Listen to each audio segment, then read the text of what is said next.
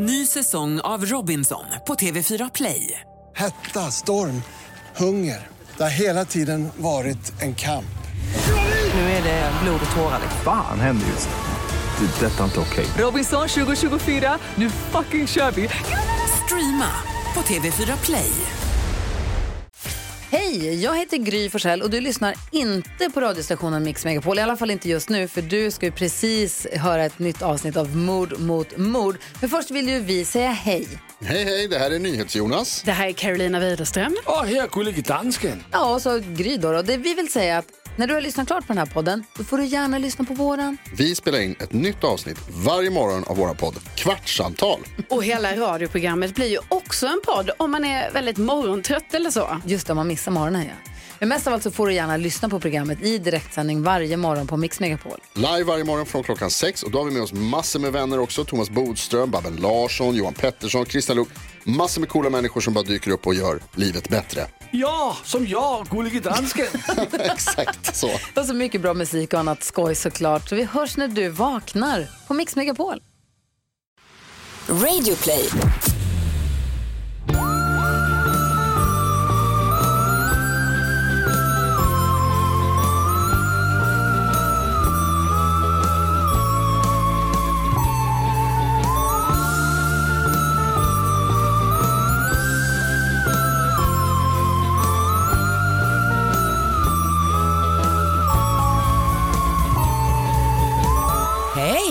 Hej! Hej och välkomna till Mord mot mord. Välkomna. Välkomna till ännu en vecka. Ännu en vecka när jag är snart på väg till Mallorca. Gud, är det ännu en vecka av att du snart är på väg till Mallorca?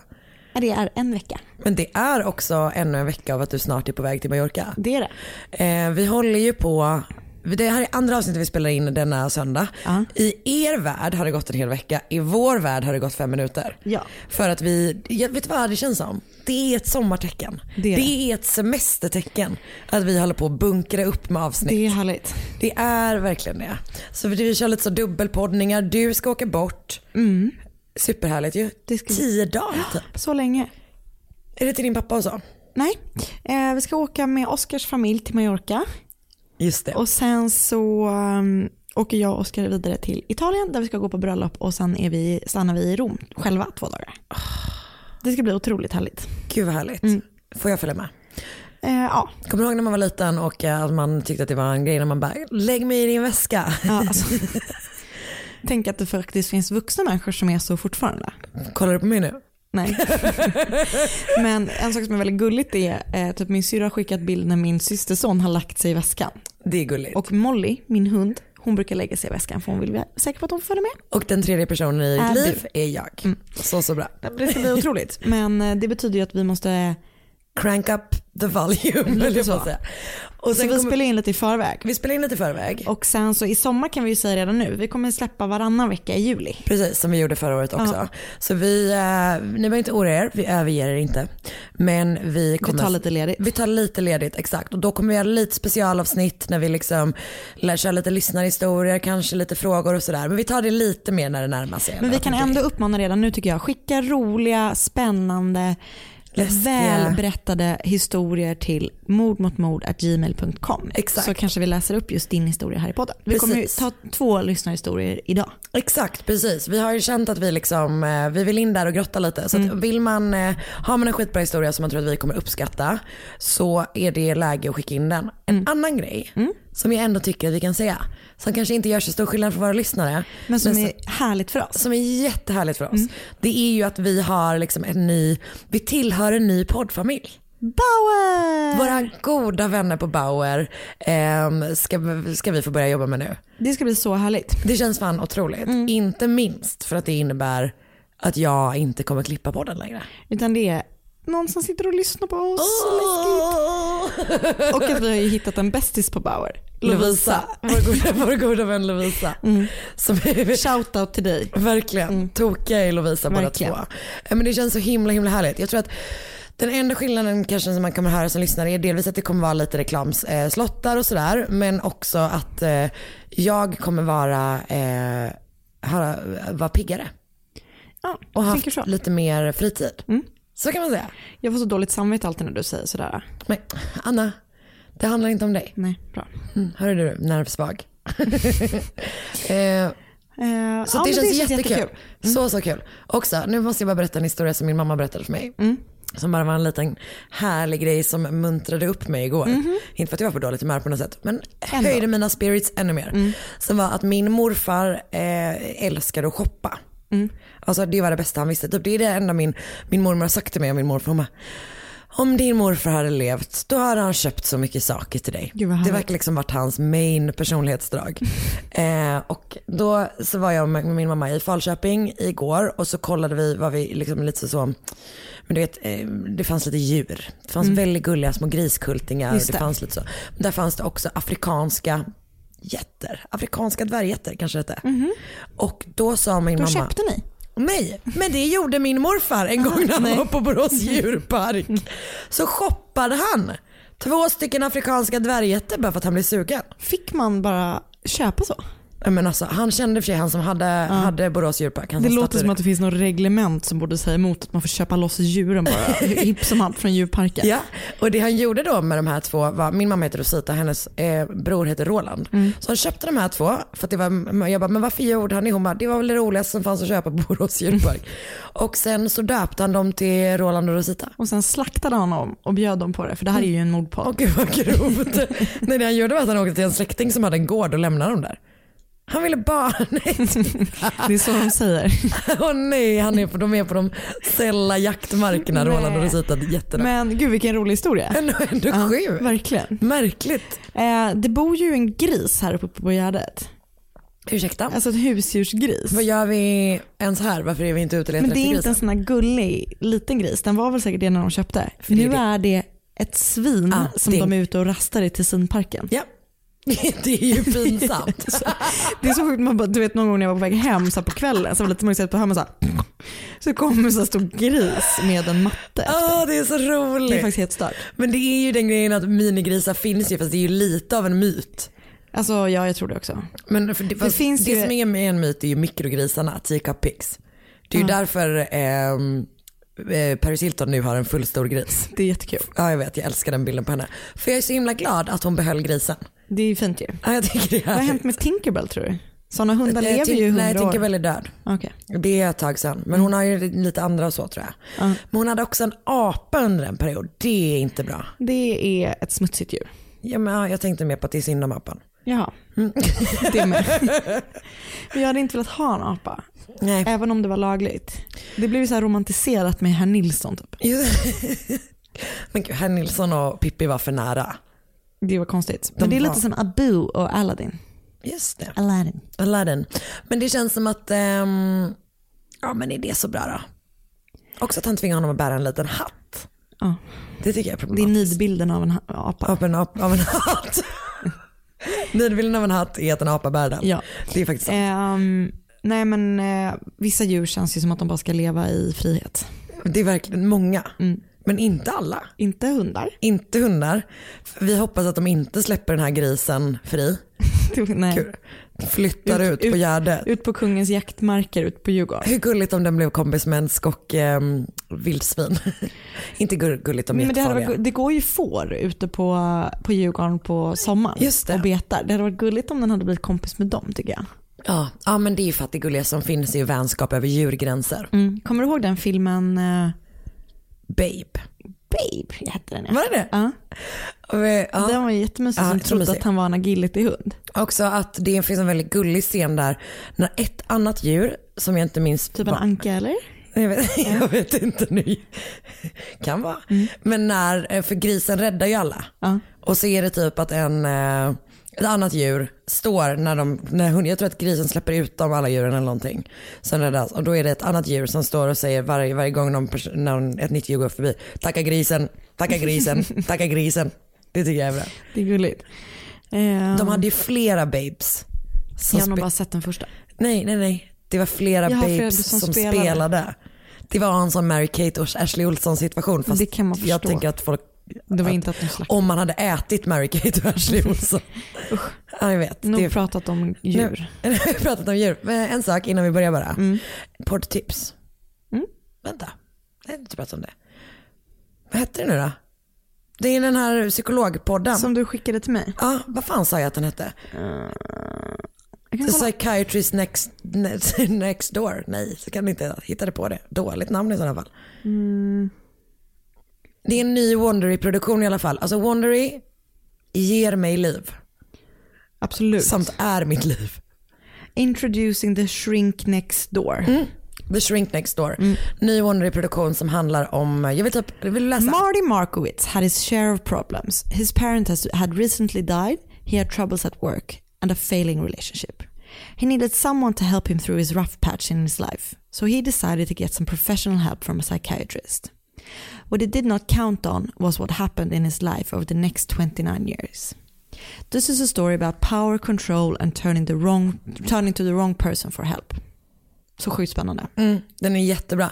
Vet du att det var första gången, eh, typ nästan sen jag började lyssna på My Favorite Murder, som jag Ja. hade typ, det hade kommit ett nytt avsnitt. Och jag bara, nej jag vill lyssna på The Shrink Next Door innan eh, jag lyssnar på My Favorite Murder. Gud vad nice. Men då, jag har inte lyssnat på den. Men du, nu kan du göra det, kanske kan när du är på Mallorca till exempel. Ja.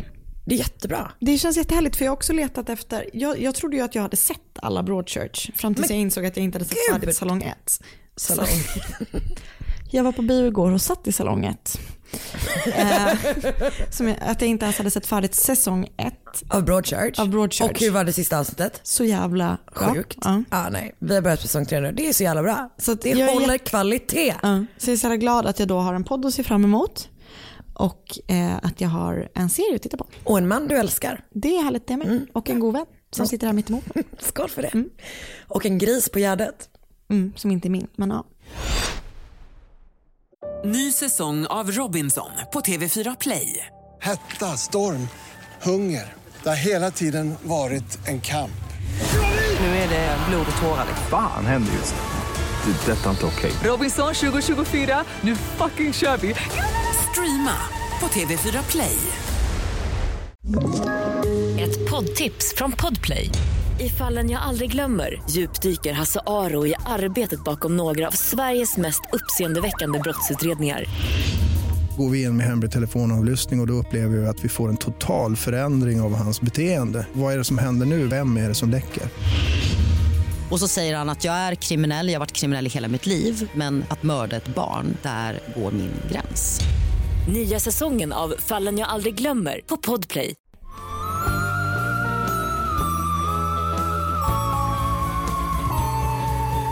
Jag kör, jag börjar. Ehm, för den 2 april 2013 skakas den lilla staden Hereford i Storbritannien. Typ, det ligger nära gränsen till Wales. Vad är det? Väster va? Ehm, skakas då av två brutala attacker. Och det här är, du vet, så som de alltid säger i alla så du vet, the crime that shook Australia eller Britain Mm. eller whatever it is, was a quiet town. Det här är verkligen den typen av situation. Det var liksom, um, det begicks, det var inga, liksom, fanns inga grova våldsbrott eller sådär. De hade så här, en känd katedral och ett cidermuseum. Blev sugen. Det är typ 6000 personer som bor där. Så Mm. det är verkligen så här, sinnebilden av den, eh, den typen av stad där vi tycker att det är starkt när det begås eh, Mm. brott. Typ. Men den här dagen hade då lugnet brutits för att två män har liksom vid två separata tillfällen med typ 10 minuters mellanrum blivit knivhuggna när de har varit ute och gått med sina hundar. Och offren Till är... döds? Nej. Offren är 64-åriga Robin Beresa och 57-åriga John Rogers och båda kämpar nu för sitt liv. De flygs iväg med helikopter liksom. Mm. Så de är jätteilla däran, framförallt eh, John Rogers. Och snart får den lokala polisen hjälp att hitta gärningsmannen. För det visar sig då att polisen i Cambridgeshire, som jag tror ligger typ 25 mil därifrån, Mm. 25-30 mil, kan hittas på, man vet inte. Ganska långt. Ganska långt, exakt. De har då jagat den här personen under flera dagar och snart så kan man då tillsammans gemensamt för att man vet om vilken bil den här personen har så kan man gripa Joanna Dennehy. Och det man inte vet då är att hon är skyldig till ännu fler brott än man tidigare misstänkt. Okej, det var en kvinna. Mm. Så den 24, eh, 29 mars, fyra dagar tidigare, så ringer en kvinna till polisen och berättar att hennes man är försvunnen. Han heter Kevin Lee och bor i Orton i Peterborough. Och han äger fastigheter varav typ vissa, alltså bostäder liksom, bostadsfastigheter, vad heter det? Skitsamma, hus. Fastigheter? ja, ja, men jag tänkte att man ville klargöra att det var fastigheter med bostäder i. Men jag vet, det är sådana council houses Ah, okej, typ, ja. som han äger. Och vissa av dem hyrs då liksom, han är en person som typ tycker att människor förtjänar en andra chans i livet Mm. lite grann. Och han säger själv, eller hans fru säger typ så här, det var för att han var själv adopterad så därför ville han typ ge mig folk möjlighet att typ starta om. Fint. Mm. Så det här, det, han hyr ganska ofta ut till exempel till folk som har kommit ut ur fängelse och så vill starta ett nytt liv. Mm. Typ. Och ehm, den här dagen då, 29 mars, så kommer då Kevin inte hem och polisen typ agerar nästan direkt. Så man inser att det är något konstigt med det här. Det är inte som typ i det fallet som du pratade om förra veckan när det är så ah, kanske bara rymt hemifrån. Utan det är, det är weird liksom.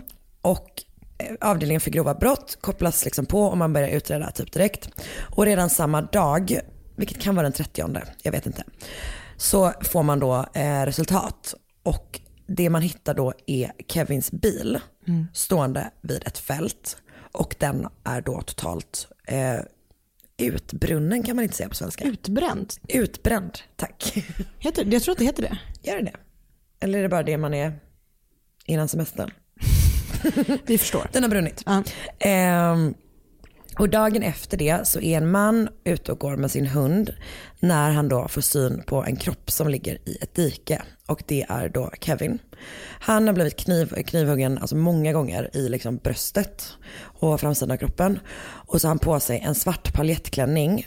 Och han är liksom inte bara slängd i diket utan han är liksom placerad på ett sätt som får polisen att tro att gärningsmannen men typ delvis söker en reaktion hos den som kommer liksom hitta den men också att det är på ett sätt som ska liksom förnedra honom typ. Mm. Och han har blivit, alltså han har haft på sig den här klänningen när han har knivhuggits. Okej. Så det är inte det att han har påsatts i efterhand och så. Nej. Och eftersom det här området och typ även bilen och allt sådär är så himla, det är liksom ute på landet, det är fält, det är Mm. typ det som finns där. Så finns det ju inte till exempel CCTV som det nästan alltid gör i brittiska fall. Det finns inga vittnen, det finns liksom ingenting. Så att man inser så här, okej det här kommer bli tufft att typ lösa. Eh, Så det man gör är att man börjar kolla på hans relationer. Men man får hjälp från hans fru Christina. För att hon har liksom, hon har hans telefon och har haft typ hela tiden. Så att när han inte har kommit hem har hon börjat ringa folk som han har varit i hans telefonlista liksom. Och ehm, det gör då att man nu kan titta liksom på de nummer som hon har ringt utifrån, alltså, Mm. och jämföra eller se var de, de mobiltelefonerna har befunnit sig under liksom avgörande tider typ. Så snart inser man då att en person har en telefon som åtminstone varit i närheten av platsen där Kevins bil hittades under den tiden man tror att den har brunnit. Och den personen heter då Joanna Dennehy och hon är då en, en av de här personerna som nyss har kommit ut ur fängelse och som bor i hans, en av hans hus. Och hon föddes eh, 1982, så hon var alltså 31 2013, ganska ung. Eh, om jag får säga det själv eftersom jag, Jag är skulle precis 31. säga det. Så ungt. Det är inte 29. Exakt. Hon växte upp i St. Albans i Hertfordshire och eh, växte då upp med en mamma, en pappa och en syster och verkar ha haft en ganska vanlig barndom. Och du vet varit ett vanligt barn, typ att hennes mamma är så ja ah, hon gillar att vara på lekplatser. Alltså du vet det, liksom, Mm. det verkar inte finnas någonting out of the ordinary Nej. att berätta. Hon var, ett, hon var ett glatt barn typ. Men i tonåren då så hade det börjat hända skit liksom. För då börjar hon dricka och hon börjar knarka och blir väldigt så här utåtagerande mot sina föräldrar. Och så börjar hon dejta. Och när hon är 14 år gammal så blir hon, blir hon ihop med en 20-åring som heter John. Mm. Don't do it. John or Joanna. Ehm, så ett år senare så bestämmer hon sig då för att flytta hemifrån med den här snubben när hon är Mm. 15. Och hennes föräldrar är liksom så här, ja okej vi kanske förlorar henne ett par år nu och så kommer hon komma tillbaka till oss sen och vi får låta henne, alltså du vet, jag tänker att det är ganska vanligt att man, att man bara, jag backar lite från relationen nu Mm. så kommer jag rädda den på längre sikt liksom. Men Johanna kommer då aldrig tillbaka igen. Gud, min Utan- mamma hade inte gjort, hon hade iglat sig fast. Bra. Min mamma hade låst in mig. alltså verkligen. Tagit passet och slängt nyckeln. Svalt nyckeln framför mig. Ehm, så så hon kommer aldrig tillbaka utan hon får istället två barn med den här John. Och hon blir också alkoholiserad och hon börjar knarka supermycket liksom. Och så blir hon, alltså deras relation blir liksom bara sämre och sämre och kaosigare och kaosigare. Och hon blir också bara mer och mer liksom självcentrerad och manipulativ. Vilket jag också tänker, det är ju typ inte helt ovanligt när man har ett beroende. Nej. Att man lär sig att manipulera sig, ja du fattar. Mm. Alla andra med. Så hon verkar också ha mått liksom jättedåligt förstås. Eh, och bland annat så har hon då självskadebeteende som typ kommer framförallt kommer fram när de två bråkar. Så liksom skär hon sig typ. Mm. Och hon begår också så enklare brott eller mildare brott, typ stöld. Men jag tror också att hon börjar liksom begå lite inbrott och sådär. Mm. Men det är framförallt för att typ få tag på pengar. Det är den typen av, av brott hon begår. För att finansiera sitt drogmissbruk. Jag antar det. Så hon tillbringar då, alltså hon är inlåst en hel del, först på något sånt, alltså hon är så ung att det ändå först är liksom på så ungdomshem typ. Och sen så blir det också då att hon sitter i fängelse. Och till slut så lämnar John henne och tar med sig deras barn. Eh, För att hon, han liksom tycker bara så att du är... Typ... hon är för mycket liksom. Ah, okej. Mm. Hon är för urballad typ, att han bara det här är ingen bra miljö. Eh, Okej, så han är liksom, ja jag fattar. Ja, så att jag tror att han är lite mer sane. Liksom. Och 2012 då så döms hon till 14 veckors fängelse för stöld. Och det är när hon är klar med den fängelsedomen som hon hamnar då hos Kevin. Men till honom säger hon inte, inte att hon har suttit för stöld. Utan till honom säger hon att hon har mördat sin pappa. För att han har våldtagit henne under hela, sin upp, eh, under hela hennes uppväxt. Och så säger hon att hon har bränt ner ett hus med två personer i. Och att hon har kört på någon. Gud vad konstig lögn. Ja, den är lite så... Det känns som att det hon går åt fel håll. Exakt. Ja. Men jag tänker det här med pappan skulle kunna vara något slags sätt att få Hon vill ha- sympati. exakt. Men de andra två Mm. är jag inte helt med på. Men hon är då som sagt supermanipulativ och väldigt liksom bra på att få folk att tro på henne och göra som hon vill. Och även så är hon extremt manipulativ mot män. Mm. Och får Är hon dem... snygg? Alltså det skulle jag väl inte påstå. Nej. Men hon är inte, alltså hon har... Hon är en vanlig person. Hon är en vanlig person men hon är, hon är manipulativ och får Mm. liksom folk att bli, män att bli kära i henne typ. Mm. Hon är jävligt Den flörtig. konsten. Ja, den som jag inte kan. Nej, inte jag heller. Nej. Du och jag får ju förlita oss på dumb luck. Verkligen. Fan. Ehm, Okej, så till en början då så tycker Kevin att det är, eller han tycker det är superbra att hon är där. För han behöver hjälp med att bli av med hyresgäster som typ inte betalar för sig. Och hon börjar liksom jobba lite grann för honom med, alltså hon är ju läskig som fan och våldsam. Eh, alltså så här, hon hamnar i slagsmål typ. Hon är liksom en sån som slåss och Mm. Sådär. Eh, men hon har också en annan fördel för hans eh, skull då. Och den fördelen heter Gary Stretch och han är typ 2,20 lång. Är det, vem, hur har hon, det är hennes kille eller? Alltså han är definitivt kär i henne. Ja.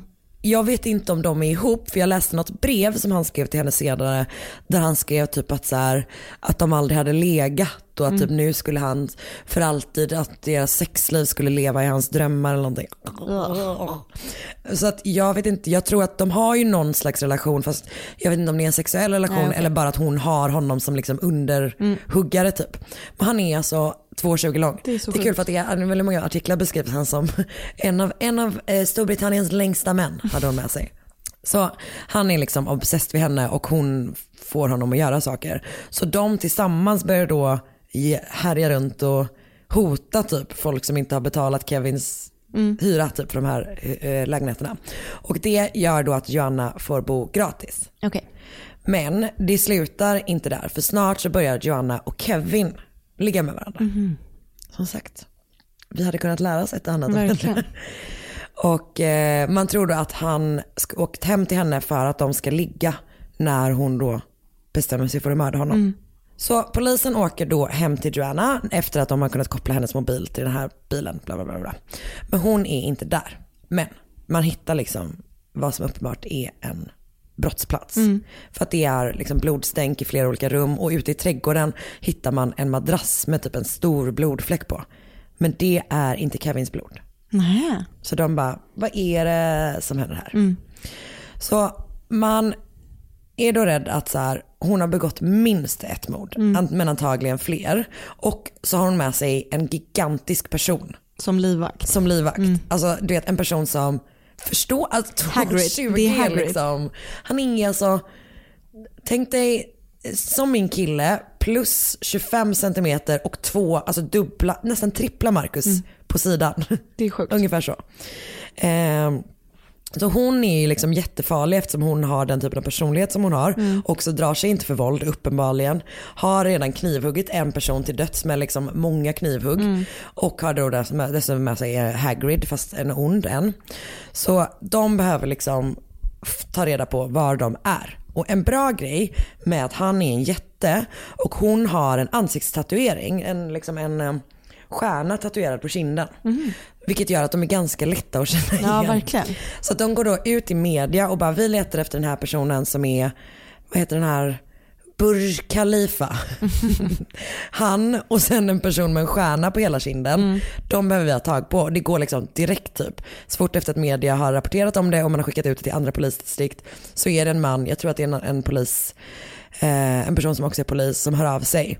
Och eh, bara så här, ja, jag, jag, de här har, har stulit på en bensinmack. Mm. Och vi har, och sen bara dragit liksom och vi har eh, CCTV på det. Så då hittar man dem och då kan man ju också se registreringsskylt på bilen. Mm. Och det gör då att man kan liksom följa dem, alltså att registreringsskylten Ah, ja. liksom rapporteras om och om igen så man kan se vart de är liksom och är väl hack i häl typ. Och var de än är så sker det typ inbrott och stölder liksom konstant hela hela tiden. Delvis typ mat och så men också så att de plockar på sig lite grejer. Och en gång så tar de med sig, eller från något ställe så tar de med sig en kamera Mhm. och sen fotar de liksom hela sin resa. Alltså det är verkligen som, ja, men som turistbilder. Mm. Vilket det, det blir något så jävla obehagligt med det. Alltså verkligen. Att de flyr och sen så stannar de, du vet de liksom posar bara vid olika fucking åkrar eller whatever och typ Ja. pekar på saker. Det är verkligen, de ser jättemärkliga ut när man vet vad det är som Mm. har hänt innan liksom. Och det finns också jättemycket alltså, CCTV-klipp på dem från så olika ställen typ. Mm. Och de ser verkligen, alltså han är så stor. Gud vad sjukt. Ja, det är verkligen grovt.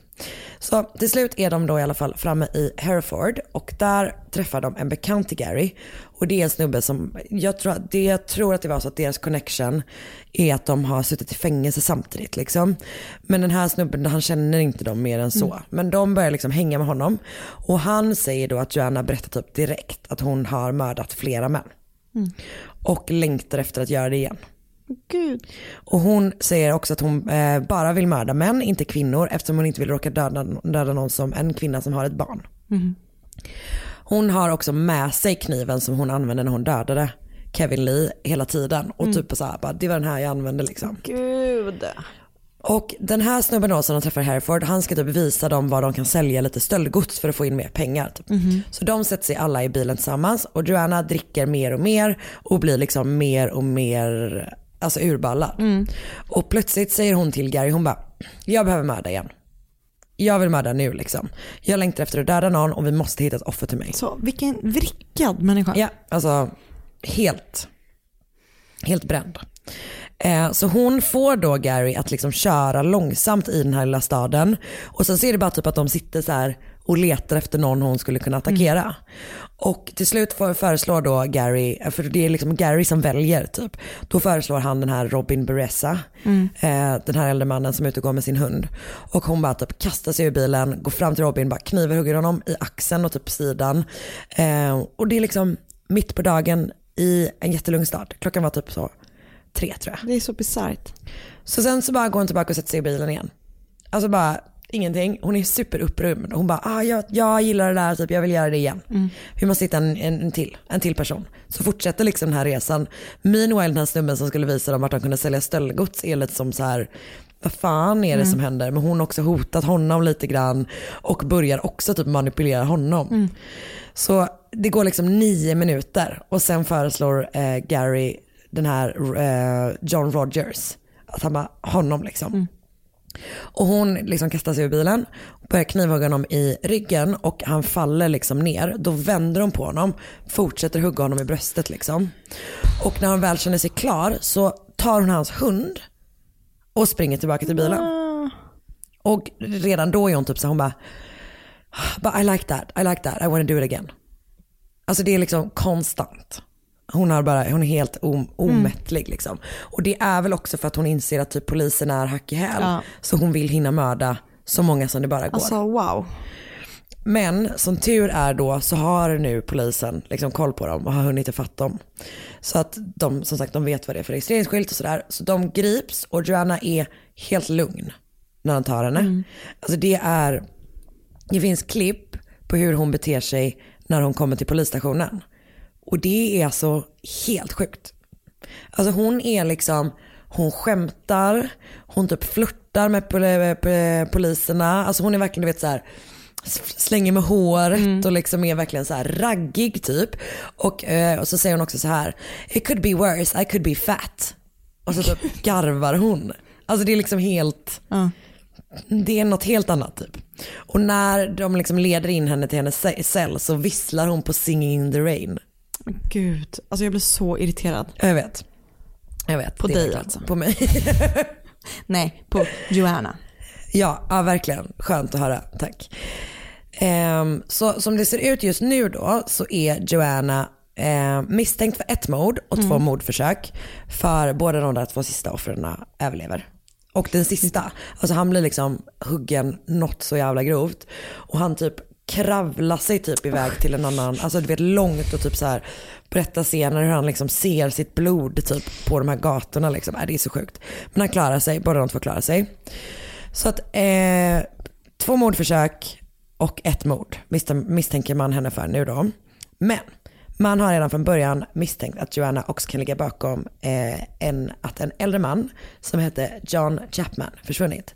Och John var eh, typ en så superälskvärd person enligt folk som kände honom. Det är ingenting jag säger, I don't know. Men han var också alkoholist och hade levt ett, typ ett jättetufft liv och liksom levt ganska mycket på gatan och sådär. Ehm, han gjorde ingen illa och han hade haft det jävligt tufft. Men han hade då flyttat in i samma hus som Joanna och hade varit försvunnen sedan den 28 mars. Så när det då rapporterades att en knivhuggen manskropp hittats i ett dike lite drygt fem mil utanför Peterborough och det här är dagen efter hon har gripits så det är den 3 april. Eh, så tror då polisen att okej det måste vara han liksom. Men snart inser man att det är två kroppar i diket. Ehm, för en av dem var då John, men det, eh, man hade först upp ingen aning om vem den andra var. Och sen visade det sig att han hette Lukas Slabotsev, och han var från Polen ursprungligen men hade typ hela sin familj i England. Och han hade också haft det liksom jättetufft eh, och hade bland annat drogproblem. Och han hade också bott i det här huset. Så det vis verkar också som att de hade en sexuell relation. Okej. Så han hade stämt träff med henne. Jag tror att man hittade sms ehm, i hans telefon. Där han, han stämde träff med henne för att de typ skulle ligga. Den 19 mars 2013 och det är liksom sista gången någon såg honom i livet. Så mellan 19 mars och 2 april så har alltså Joanna eh, Dennehy, eller Joanna Delvey som jag har skrivit eh, att hon heter här. Vilket är Anna Delvey, hon den scammern i New York som tog alla pengar från rika personer. Eh, och klart. Jo, Joanna Dennehy hade alltså hunnit mörda tre personer och eh, allvarligt skada två. På den, alltså det är så jävla kort tid. Men det känns liksom så sjukt, alltså när den där äh, kicken liksom. Ja, och för henne var det verkligen, det var liksom, hon var uppfylld av det typ. Fan vad obehagligt. Och det visar sig också sen att hon har ju inte direkt försökt dölja Nej. eh, det här hon har gjort. Utan hon har, vet vad hon bland annat har gjort? Och det här är så jävla jävla hemskt. Att efter att hon har dö- dödat den här eh, John så har hon alltså först eh, haft hans kropp på ett ställe som inte var så avlägset liksom. Och det, hon har liksom visat upp hans kropp. Fy. Och bland annat tog hon med sig en 14-årig flicka dit. Och visade upp hans liksom döda kropp. vrickad person. Ja, ja, nej. Alltså totalt liksom kontrollbehov typ. Och hon visade då ingen ånger överhuvudtaget. Alltså ingen alls. Och hon erkände också att hon bara mördade för att hon tyckte om det. Och eh, hon, eh, det var liksom bara underhållning. Hon, sä- hon säger så här. I want my fun. I need you to get my fun. Hade hon sagt liksom. Eh, till de här personerna Mm. som, alltså så här, om varför hon ville mörda liksom. Och inför rättegången så trodde alla, alltså hennes egna team, alla att hon skulle erkänna sig, eller att hon skulle säga att hon var oskyldig. Det var liksom så här, Mm. det var det alla räknade med. Uh, och jag tänker typ att det kanske var för att hon ville få en psykiatrisk undersökning eller Mm. whatever. Men när anklagelserna lästes upp under hennes sån pre-trial så reser hon sig bara upp och så säger hon eh, I've pleaded guilty and that's that. Alltså inte ens hennes egna liksom, advokater visste om det. Nej. Och hennes familj och typ folk i närheten av henne har senare de säger typ att de bara, det är för att hon bara vill visa att det är hon som har kontrollen. Att hon ända in i typ slutet vill Mm. vara den som bara så här, eh, som bestämmer hur saker och ting ska gå till. Hon försökte också fly, eh, eller hon hade planerat att fly under tiden innan rättegången. Så att då hade hon, hade dock, hon hade skrivit sin plan i sin dagbok. Och det, det betyder då, eller hennes plan innebar att hon skulle ehm, döda eller allvarligt skada en vakt. Skära av vaktens finger och sen använda det som, som du vet när man ska släppa sen, alltså med fingeravtryck. Alltså, idiot. Och ehm, det gjorde då att hon satt isolerad. Vilket hon var jätteupprörd. För att hon säger att eh, isoleringen var left her tearful and upset. Mm. Men de tyckte inte, alltså när man undersökte det så ansågs inte hennes mänskliga rättigheter ha blivit kränkta av det här. Utan eh, det var rimligt eftersom Mm. hon då ville stjäla en vakts finger. Så hon, eh, Joanna Dennehy döms då till livstidsfängelse utan möjlighet att bli frigiven. Och hon är bara den tredje kvinnan i Storbritanniens historia som har fått den domen. Mhm. De andra två är Rosemary West och Myra Hindley. Myra Hindley ja. Mm. Sjukt. Är det sjukt? Ja, skitspännande. Hon är väl spree killer kanske? Ja. Eller seriemördare? Spree killer. Spree killer Ja. skulle jag säga. Men att det liksom är bara ett sånt totalt Jävla dåre alltså. Och att det verkligen bara är underhållning. Alltså Det är det är, för det är ju det som är grejen också med, jag tycker att det är så starkt, med, framförallt med typ kvinnliga mördare. För Mm. det är inte så många som är så här bara, nej nej jag har inget motiv. Jag tyckte bara att det var härligt. Verkligen. Fan vad obehagligt. Japp. Ny säsong av Robinson på TV4 Play. Hetta, storm, hunger. Det har hela tiden varit en kamp. Nu är det blod och tårar. Fan händer just nu. Det. är Detta är inte okej. Robinson 2024, nu fucking kör vi! Streama på TV4 Play. Ett poddtips från Podplay. I podden Något Kaiko garanterar östgötarna Brutti och jag, Davva, dig en stor dos skratt. Där följer jag pladask för köttätandet igen. Man är lite som en jävla vampyr. Man har fått lite blodsmak och då måste man ha mer. Udda spaningar, fängslande anekdoter och en och annan arg rant. Jag måste ha mitt kaffe på morgonen för annars är jag ingen trevlig människa. Då är du ingen trevlig människa, punkt. Något Kaiko, hör du på Podplay. Därför är gardinerna.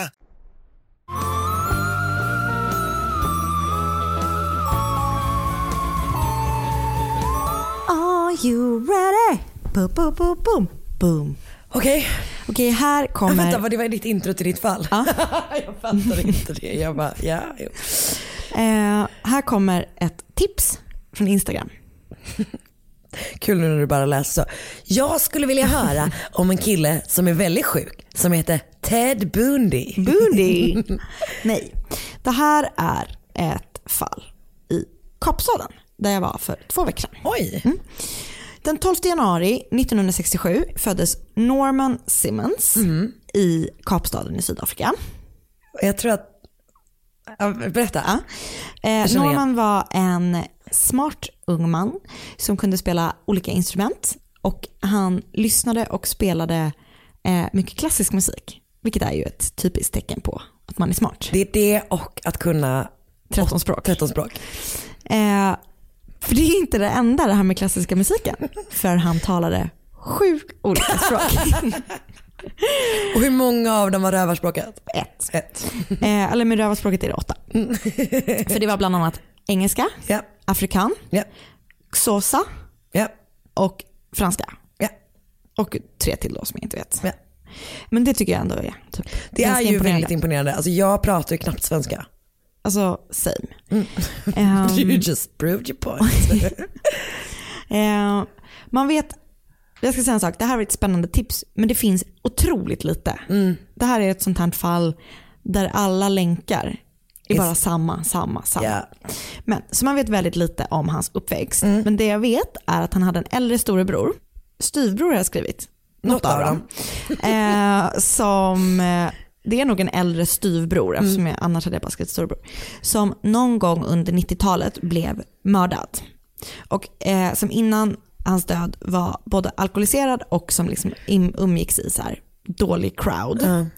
Det sägs också att eh, Norman någon gång under sin uppväxt har blivit sexuellt och fysiskt och psykiskt utnyttjad av sin bror. Oj, det är för många sätt. Det är alla sätt. Det är verkligen alla sätt. Eh, han var liksom verkligen pressad under sin bror. som. Ja. Men han hade ingenting, vad man tror i alla fall, att göra med hans mord. Bra. Norman liksom framstod i alla fall att vara eh, lite mer av en good guy än sin bror. Han utbildade sig till lärare och han skulle liksom senare, när det här utspelar sig, det som jag ska berätta, undervisa i femte klass i Alpine Primary School i Beacon Valley i Mitchells Plain, Mhm. i, typ utanför Kapstaden. Norman var lärare då i eh, femte klass och tyvärr så hade han ett intresse för unga pojkar istället för män i sin egen ålder. Och inte på det sättet som man bör ha som, Som lärare. lärare, nej, ett sexuellt intresse. Han gav sig inte på män i sin egen ålder.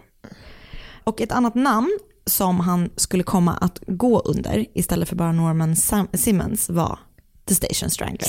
Jag, jag, jag, har, jag har inte, jag har, har sett, jag har noterat det här fallet. Men inte, mm, inte, inte hunnit för, förkovra mig. Om man säger. Det är fruktansvärt va? Jätteläskigt. Ja.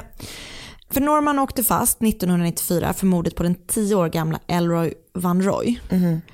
Eh, och det här är också det enda mordet som han faktiskt skulle dömas för. Men han är misstänkt för 21 stycken andra mord. eh, och man tror att han begick sitt första mord den 29 september 1986. Okej. Eh, då den 14 år gamla Jonathan Klasen hittades mördad eh, i Modderdam Station i Belleville South. För mellan åren 1986 och 1992 så hittades ytterligare nio stycken pojkar i åldrarna 9 till 14 och alla var eh, brutalt mördade. Och alla hittades på samma sätt och de hade hittades i begravda i så grunda sandiga gravar, alltså så här väldigt ytligt. Med ansiktet nedåt i marken och med händerna bundna bakom ryggen.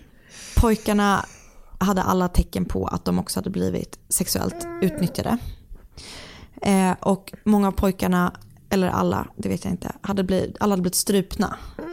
Eh, med antingen så här remsor från deras egna kläder som någon, liksom Norman då hade dragit bort, eller med deras egna underkläder. Nej.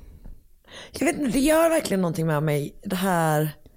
Alltså alltid när det är så här, ja men att ett offer blir strypt med typ dens egna underkläder Mm. eller dens egna. Alltså det är något som Det bara. vet jag, håller verkligen Jag vet inte vad det är. Det är som så gör att det är mitt som du sen ska använda för Ja, att döda det är, mig. Ja, det är något med det. Det är skitläskigt. Inte som att det är bättre att man så bring your own own. device. Men det är Fast något, ändå lite. ja, men ty, jag vet inte, det är bara någonting som gör det ännu mer heartbreaking tycker jag. Jag håller verkligen, verkligen med. Ja, vad bra, tack. Eh, men ehm, som sagt, det hittades totalt 21 stycken kroppar som man tror, eller 22 då med Elroy, eh, som man kopplar till Norman.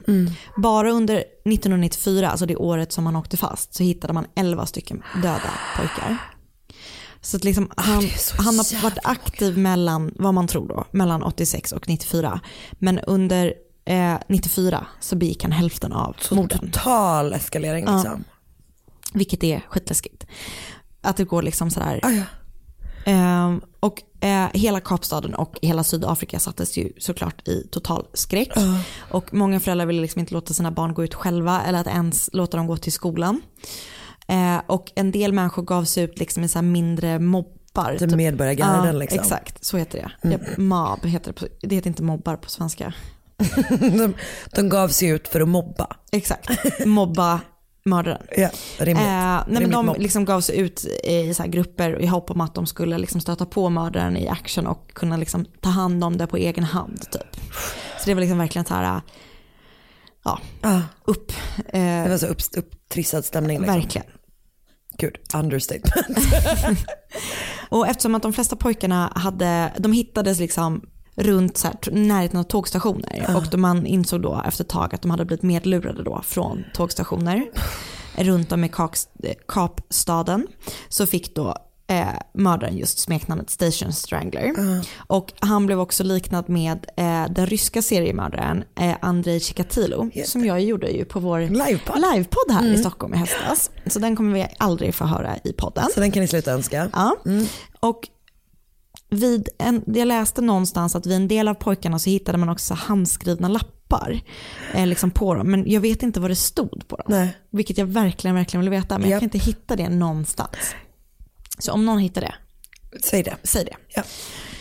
Ehm, och jakten på Norman var, alltså eller på mördaren Station Strangler var otroligt omfattande Mm. och det engagerade liksom poliser och civila överallt. Och någonstans så läste jag, och det här vet jag verkligen inte om det stämmer, men att det är, var den största jakten på en mördare någonsin i Sydafrikas historia. Mycket möjligt. Kan ju ha varit det. Ja. Jag tar inte gift på att det, Det stämmer. känns ju som att de har anledning att eh, engagera en och annan. Alltså verkligen. Liksom. Eh, men som sagt, jag tar inte gift på det. Nej, bra. Eh, och ministern för Law and Order, som är en så sjukt fet titel som man själv skulle vilja ha. Det är liksom the, the minister of... Law and Order. Alltså, det är ju det du har i mitt liv. Tack. och i Oscars liv, fast han har inte erkänt det än för sig själv. Oscar har ju det i ditt liv i och för sig. Det är Ja. han som är the law and order. Okej då. Och sen så går det bara, mm, passas, passas, passas det vidare Till dig. till dig. Och så jag är det i Marcus liv. Ja. Bra. Bra. Vilken bra kedja. Mm, verkligen. Marcus inte i någons. Eh, han, har gjort, han sitter ju längst fram i massagetåget. det gör han verkligen. Eh, the Minister of Law and Order Ja.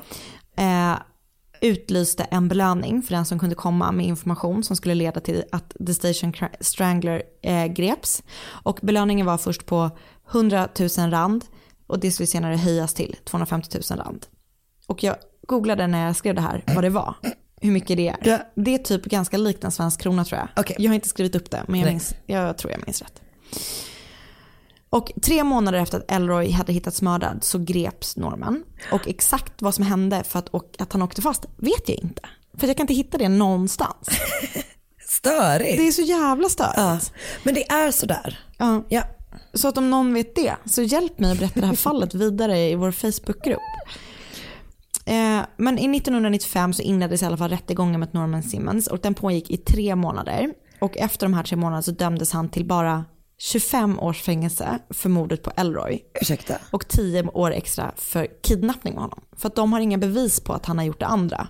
Så det- det måste vara någonting som är så tydligt bevis liksom, att kopplas till Elroy. Men de bara misstänker att han har gjort alla de här andra grejerna. ja. Så att han, han kan inte dömas för det. Ja, vad störigt. Men 95 plus 35, han är ute typ 20 2030. Det är ändå ganska snart. Det är jättesnart. Han kan vara ute nu. Han kan vara ute nu ja. Så, så vitt jag förstått Ja. så sitter han fortfarande och på ett fängelse som heter Drakenstein Maximum Correctional Center Ja. i Parl. Eh, och i 1998 så skickade Norman in en resningsansökan och den fick avslag och istället, nej, sorry. Eh, det, istället så höjdes hans straff till livstid. Ah, så. det var ju bra. Gud vad, vilken, vad snopet. Ja, verkligen. Innan resningen. De bara, nej vänta du kan inte få mindre straff. Men du får mer. Men har du träffat livstid? Men och för det som också hände att var 2005 så öppnade man upp fallet igen. För att undersöka de andra offrens död. Det måste väl ha kommit fram någonting liksom, som var så här, okej men vi, vi kollar lite närmare på Forensics. Antagligen. Eh, så under tre år så gjorde man liksom ytterligare utredningar och man gjorde analyser. Och det kom egentligen inte fram jättemycket tydligare svar. Men eh, man kunde tänka sig att han var skyldig, eller man liksom hittade indicier Ah, ah, till att han var skyldig till åtminstone sex av de andra dödsfallen. ah. Men eftersom det hade passerat så mycket tid så kunde man liksom inte göra någon, något Nej. lagligt med det. Men han hade ju fått livstid. Så, att, Så det var ju bra. Så det var ju bra. Eh, och, eh, så han sitter ju då där på Drakenstein Maximum Correctional Center i Parl på livstid numera. Och lite kuriosa om honom är att 1993 eh, konverterade han till islam. Och då tog han namnet som han liksom är känd under så här, som Norman Afzal Sim Simmons. Okej. Men han var inte en särskilt ihärdig muslim för att han bestämde sig för att konvertera tillbaka till kristendom igen. Eh, bara ett år efter. Det är så himla märkligt. Det är jättekonstigt. Så det här är så ett så spännande fall som jag vill veta så himla mycket om. Ja. Det finns inga YouTube-dokumentärer. Det finns en Murderpedia-sida och det finns massa andra. Men allting är Wikipedia-sidan. Det är uppdatering, ja det är samma, samma, samma. Det är samma, samma, samma, samma, samma. Så om någon sitter Ja. i Sydafrika och har artiklar från 1994. För att det är ju det som är också grejen så här. Alltså det här det är ju som väl, det har man pratat om tusen gånger ju. Men det här att liksom att västvärlden eh, typ inte skriver så mycket om fall som eh, händer, Händer, i nej. typ Afrika i allmänhet. Liksom. Det är så sjukt. Men också typ att det känns de enda som skrivs om det minsta är typ sydafrikanska fall. Håller helt med. Alltså, och även där är det liksom så så, himla här. lite och det här är ändå i relativ nytid Mm, och liksom ett så sjukt omfattande och ändå så finns det så himla lite. Men det är 21, 22 misstänkta offer. Alltså det är så jävla många. Och grejen är att det är det här. Jag vill, för att jag, det, sådana där finns det ju över hela jävla världen som vi aldrig har hört talas om. Och jag tänker att om man för, också, för jag frågade ju typ på vår Facebookgrupp vad folk gillar att höra för Mm. fall och där gillar ändå folk att höra från typ länder som inte är så USA och Mm. sådär. Vilket ju vi gör ganska mycket. Eh, Och som vi också tycker är väldigt spännande. Exakt, vi gillar ju det också. Men sådana fall, alltså om, typ, om det är någon så här seriemördare från typ ett land som vi aldrig har ens har gjort någonting från eller whatever Mm. som vi borde känna till. Tipsa oss om det för att de kan vara lite svåra att, bara leta Mm, fram jag också. håller med. Utan man behöver typ en ingång till Mm. dem så kan man googla vidare därifrån. Absolut, för det här var ju tips som Ja. sagt och jag förstår att personen som tipsade ville veta mer. För Ja. det vill jag också. Ja. så att, eh, där är vi nu. Ja, verkligen. Det är så jävla sjukt och spännande. Och Ja. fruktansvärt. Så hemskt. Tack snälla du. Och just att han var lärare. Ja, men nej, det är, Ja, det är för vidrigt. vidrigt. Det Ja. är för vidrigt.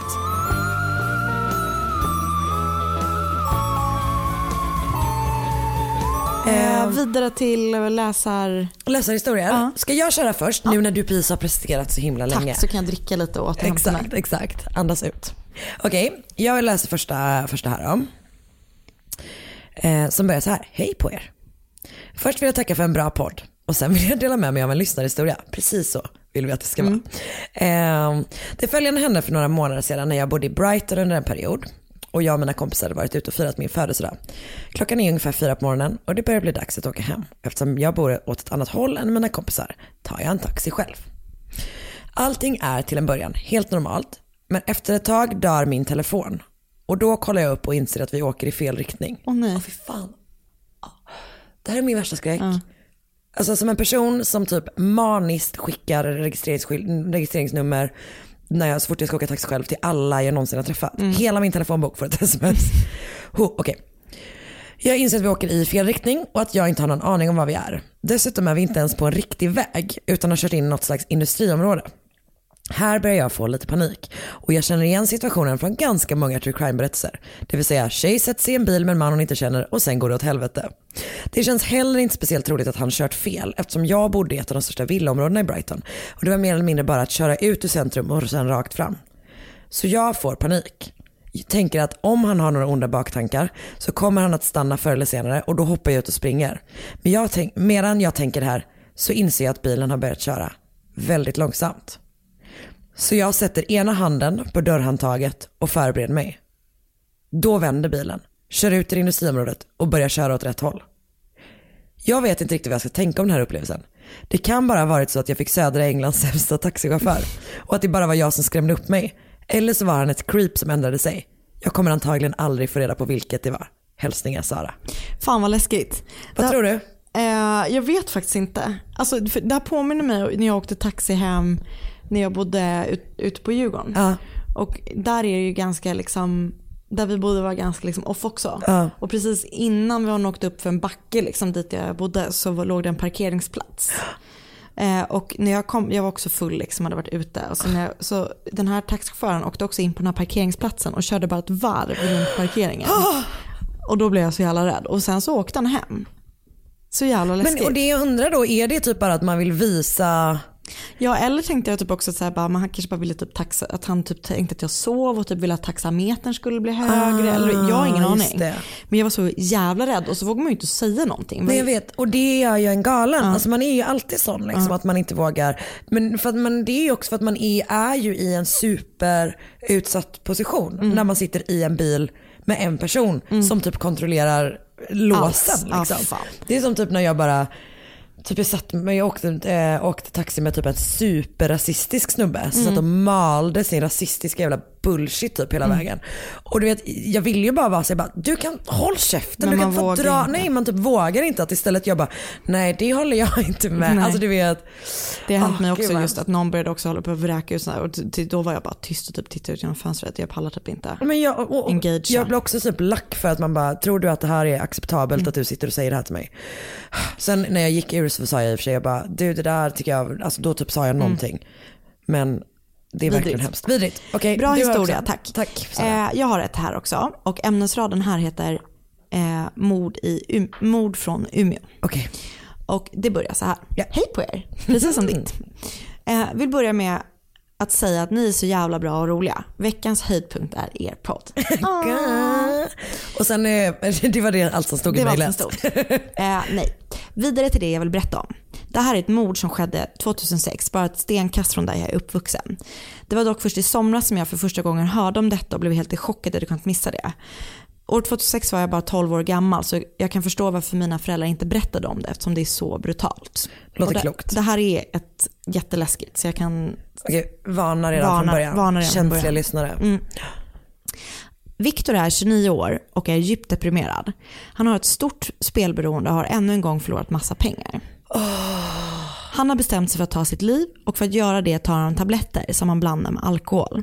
Han har dock inte tillräckligt med alkohol hemma så därför måste han bege sig till centrum för att köpa mer öl. Eh, På Vasaplan, det vill säga Umeås samlingsplats plats för all busstrafik, möter han, trots att det är mitt i natten, den 40-åriga homosexuella pingstvännen Ingmar som sitter i en busskur. Det kommer bli den första och sista gången de ser varandra. Ingmar är döv, men gud vad hemskt. Men trots det så lyckas de två männen föra ett samtal och de beslutar sig snabbt för att följas åt hem till Ingmars lägenhet där han förklarar för Viktor att det finns mer alkohol. Väl på plats upptäcker Viktor att det inte finns någon alkohol och därför tappar han snart humöret. Ingmar pekar åt honom att han ska lämna lägenheten om, om han ska bli arg och det blir droppen för Viktor. Han tar tag i en glaskula som ligger bredvid honom och slår Ingmar i huvudet eh, och fortsätter att slå tills Ingmar är livlös. Eh, men det slutar inte här och det här är jätteläskigt. Eh, när polisen anländer till platsen eh, dagen efter möts de av ett blodbad. Ingmars kropp ligger på köksgolvet i ett hav av blod och eh, bredvid har Viktor placerat Ingmars avskurna huvud. I bordet har dessut- han dessutom ristat in bög. Eftersom Viktor själv samma dag hade berättat om att han dödat en annan män- människa kunde han snabbt gripas. Och förra året ändrade hans livstidsstraff till ett tidsbestämt straff och han kommer därför släppas fri nästa år. Eftersom det anses att återfallsrisken är låg. 2006. Namnen är förstås fingerade har hon skrivit. Ah, ah. Puss och kram, ni är bäst. Oj fan. Så jävla vidrigt fall. Ja, jag har hört någon, jag tror att det är någon. Det finns en dokumentär om det här tror jag. Eller gör det inte det? Jo kanske. Jag känner igen det. Ja. Åh, det är så hemskt. Det är så jävla Åh, det är så hemskt. Mm. Var också bara till så, fy fan. Det är så otroligt vidrigt. Det där var jätte, jättehemskt. Mm. Tack för att eh, ni skickar in historier. Ja, fortsätt, fortsätt göra det, det. till mordmotmord.gmail.com. Yes, eh, det kan vara typ massa olika saker. Det kan vara bara läskiga historier. Det kan vara om ni har någon connection till en eh, mördare eller ett mord eller något sånt Mm. som ni vill berätta. Eller Ja, Vad som eh, helst. Lite vad som helst. Det enda vi absolut inte vill att ni skickar in är påhittade historier. Det vill vi absolut inte. Då blir vi besvikna på er Ja. och ledsna. Ja. Och då kommer the minister Of law, of law and, and order. order. Yes. Ehm, tack snälla för att ni lyssnade också den här veckan. Gå med i vår Facebookgrupp, Mord mot mord podcast. Eh, och följ Anna på Instagram. Du heter att Anna, jag heter att Karin Londre. Och sen så kan man också önska fall där. Ja, gör I det. våra DMs. Så gör det och sen så hörs vi nästa vecka och tack så jättemycket och hej då. Hej. Ny säsong av Robinson på TV4 Play. Hetta, storm, hunger. Det har hela tiden varit en kamp. Nu är det blod och tårar. Fan händer just nu. Det. är Detta är inte okej. Robinson 2024, nu fucking kör vi! Streama på TV4 Play.